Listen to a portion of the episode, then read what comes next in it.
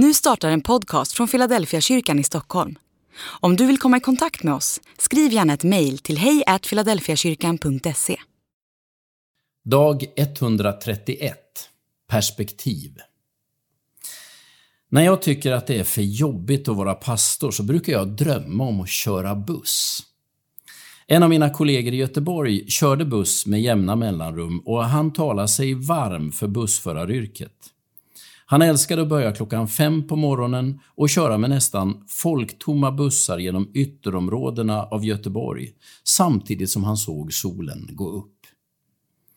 Så brukar jag drömma om att bli busschaufför när jag har haft en jobbig dag i Philadelphia. Men jag inser att det bara är en ventil, en sån där tanke som jag flyr till för att lätta på trycket.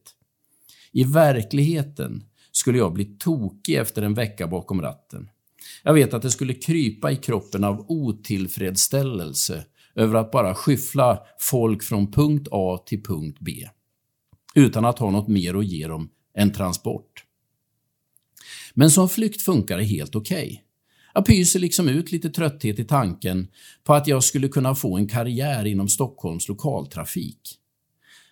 Härom, sisten såg jag att de sökte förare till tunnelbanan. Det kanske vore något. De flesta av oss ägnar oss åt sådana här drömmar. Vi flyr in i en bekväm tanke utan motstånd där allt går som vi tänkt oss och där vi själva befinner oss i total harmoni. You get pie in the sky when you die. Har du hört det uttrycket? De som en gång myntade det menade att tanken på himlen var ett sätt att, att hålla folk på mattan.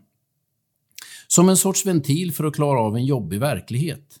Om man tror att man får en belöning efter döden så kanske man kan finna sig i skiten medan man lever. Men tanken på himlen det är ingen flyktfantasi som man kan dra sig undan till när livet är jobbigt. Tron på himlen är snarare högoktanigt flygbränsle för trötta maskiner som behöver ny kraft i en motig vardag. Himlen är ingen dröm vi flyr bort i.